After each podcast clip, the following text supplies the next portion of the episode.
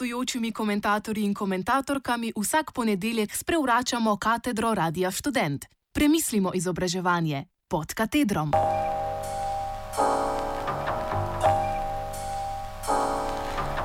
Negujte mene in sebe s čistimi mislimi.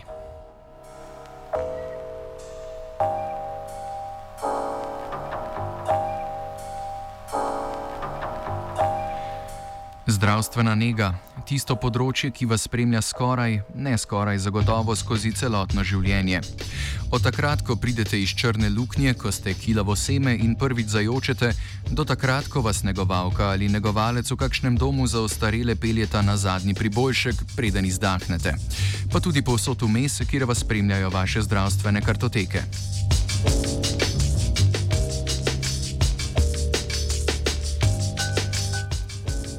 Nedavno smo lahko med protestniki javnega sektorja videli tudi sindikat delavcev v zdravstveni negi Slovenije. Njegove zahteve so dokaj standardne. Standardne v smislu tega, da še vedno zahtevajo odpravo plačnih anomalij, upoštevanje sprejetih standardov in normativov, sploh pa odpravo zakona o uravnoteženju javnih financ. Ti nasplošno najbolj bremenijo naš zdravstveni sistem, seveda poleg še ostalih infrastrukturnih primankljajev.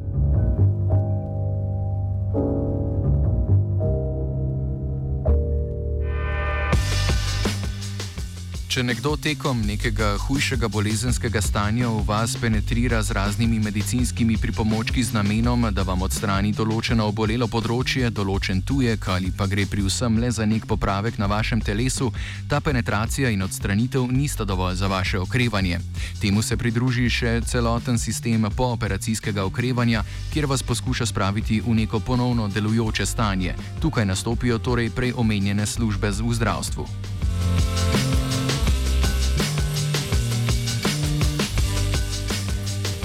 A v tem komentarju se ne bomo spuščali v delo samih zdravstvenih negovalk, tehnikov, bolničarjev ali medicinskih sester. Mogoče se bomo, ali posredno. Ker je tematika tedenskega podkatedrskega komentarja osredotočena na problematike z področja vzgoje in izobraževanja, bo okvir našega komentarja zajemal področje srednjih zdravstvenih šol. Torej tistih šol, kjer se prične poklicno usmerjanje v poklic zdravstvenega osebja.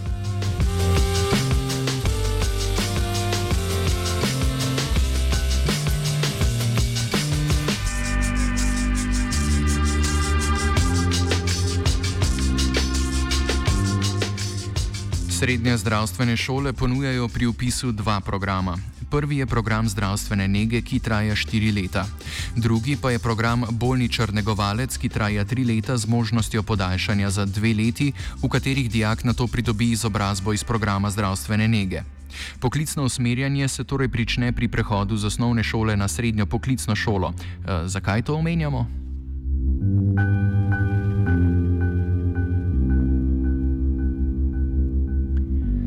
Nedavno je na spletu zaokrožil članek oziroma komentar z Facebooka, v katerem so bile navedene izjave več dijakov, ki so na srednji šoli Izola upisani na program zdravstvene nege.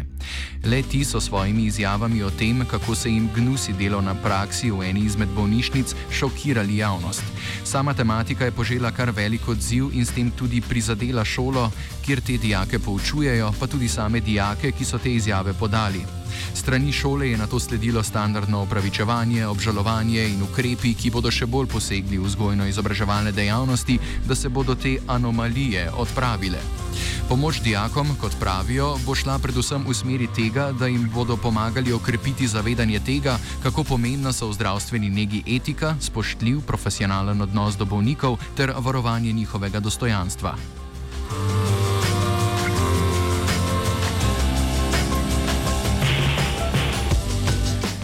Temu seveda spadajo še dodatna izobraževanja iz vsebin etike, komunikacije in odnosov do pacijentov. Vse smeri opravičevanja in obžalovanja gredo na raven etike, dostojanstva in še česa.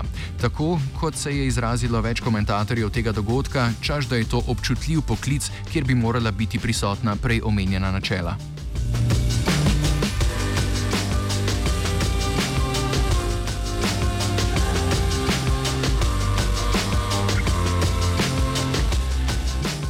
Pojdimo za trenutek v drugo smer in se ne predajmo temu konstantnemu nabijanju o tem, kako bo etika odpravila težave, kako je potrebno držati jezik za zobmi, ko pride do takšnih občutljivih tematik in kako je to pač neuzgojena mladež neprimerna za ta poklic.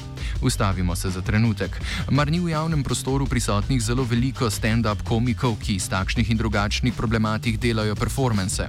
A je res samo delo v zdravstveni negi tako čistunsko, da se nihče od odraslih zaposlenih ne pogovarja o teh zadevah, da se iz njih ne dela norcev in ne pripoveduje svojih prigod?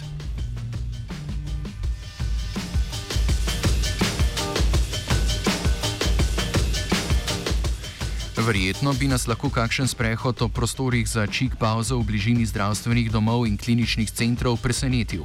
No, če imate kakšnega prijatelja, ki dela v zdravstvu, potem gotovo veste, da pozna tudi kakšno tako prigodo. Ustavimo se še enkrat in se izognimo liniji odraslih versus mladi, neuzgojeni versus vzgojeni, po kateri so se odpravili že drugi.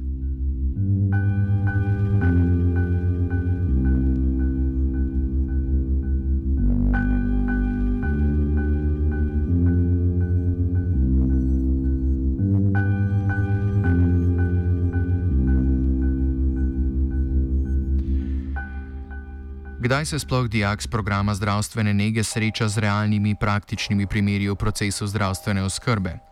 Z njimi se ne sreča v prvem letniku, niti ne v drugem, ampak šele v tretjem letniku. V tretjem letniku se prvič spusti v proces dnevne zdravstvene oskrbe na različnih področjih in oddelkih zdravstvene nege. Predtem se večina dijakov zdravstvenih šol uči predvsem bolj splošne predmete, kot tudi specifične predmete z področja zdravstvene nege. A praktični primeri negovanja se do tretjega letnika izvajajo le na sintetičnih lutkah, kjer seveda ni prisotnih človeških izločkov. Ti realni primeri so posredovani le pri preko podob. Torej, šele v tretjem letniku se povprečni dijak seznani s tem, kaj naj bi kot izobražena srednja medicinska sestra ali srednji zdravstvenik počel tekom svoje zaposlitve.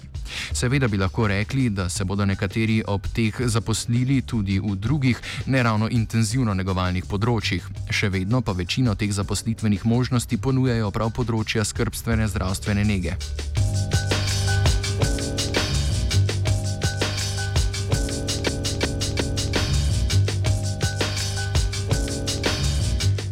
Po drugi strani lahko rečemo, da je zdravstvo podhranjeno, še posebej oskrba v domovih za ostarele.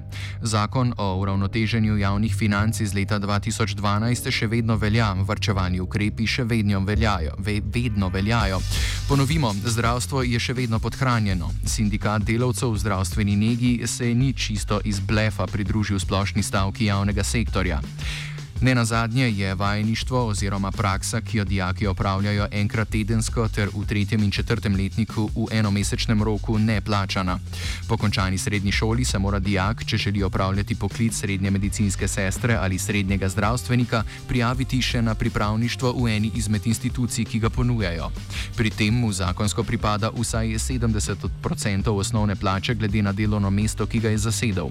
V nasprotnem primeru pa njegova pripravniška plača v neto neto znesku ne sme biti nižja od minimalne plače, ki za leto 2018 znaša 639 evrov.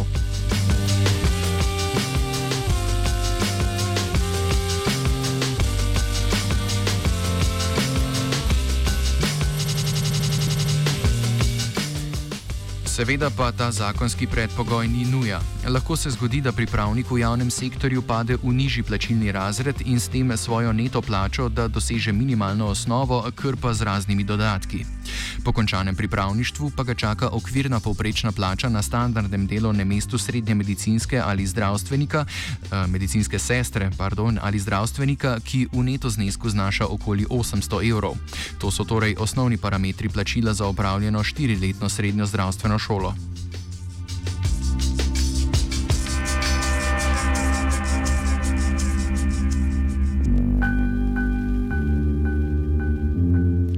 Če se vrnemo nazaj k dijakom, ki so se zgražali. Ti dijaki so se predvsem zgražali nad starejšimi pacijenti.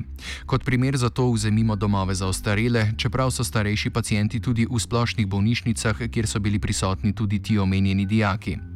Posebej v teh domovih za ostarile ponavadi samo dve medicinski sestri skrbita za okoli deset ali več bolnikov. Če gre za nepokretne bolnike, potem je delo zdravstvene nege na teh deset ali več bolnikov še toliko bolj oteženo. Celotno zdravstveno nego je potrebno ob jutranji negi opraviti v dokaj hitrem času, v okoli uri in pol, kar še dodatno intenzivira delo.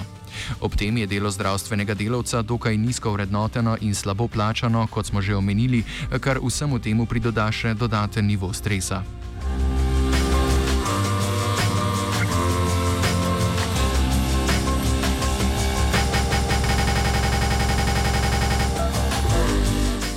Vso to intenzivno delo, ki ti skozi rutinsko prakso postaja samoumevno in po katerem se ti soočanje s človeškimi izločki popolnoma ne gnusi več, je nekaj, kar je pač del dela v zdravstveni negi. Če že občutiš določen gnus ali ob delu doživiš dogodke, ob katerih bi rad spregovoril, seveda nimaš niti vzpostavljenega kanala, po katerem bi lahko vse te prigode izpovedal.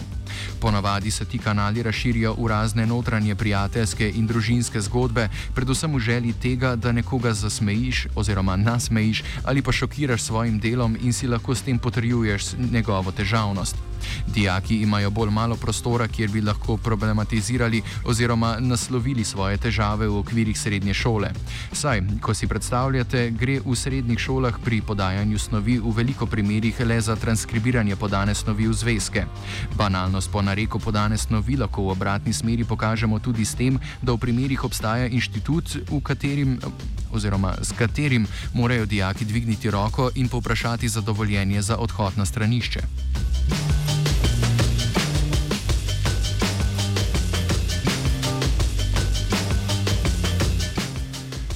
Kako torej ti dijaki ne bodo občutili gnusa ob soočanju s takšnimi primeri? Celotna zdravstvena praksa je organizirana tako, da se dosti hitro soočiš z najbolj zahtevnimi primeri v zdravstveni negi.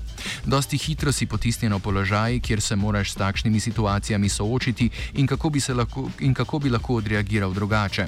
Okoli tega vzpostavljenega gnusa imaš speljan še celoten odvod, ločen od same zdravstvene nege in ta odvod je celotna industrija lepote in nege, ki poteka usporedno s to institucionalizirano zdravstveno nego. Potem pa so tu še možnosti razširitve srednješolskega programa na gimnazijsko raven, a o tem mogoče v kakšni drugi oddaji.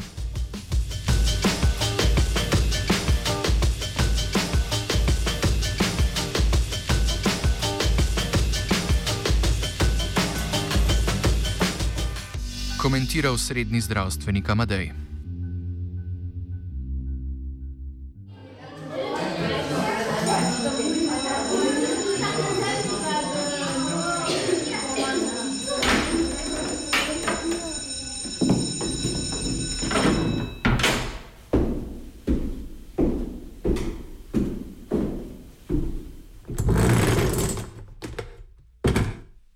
Gostujočimi komentatorji in komentatorkami vsak ponedeljek sprevračamo katedro Radia Student. Premislimo izobraževanje pod katedrom.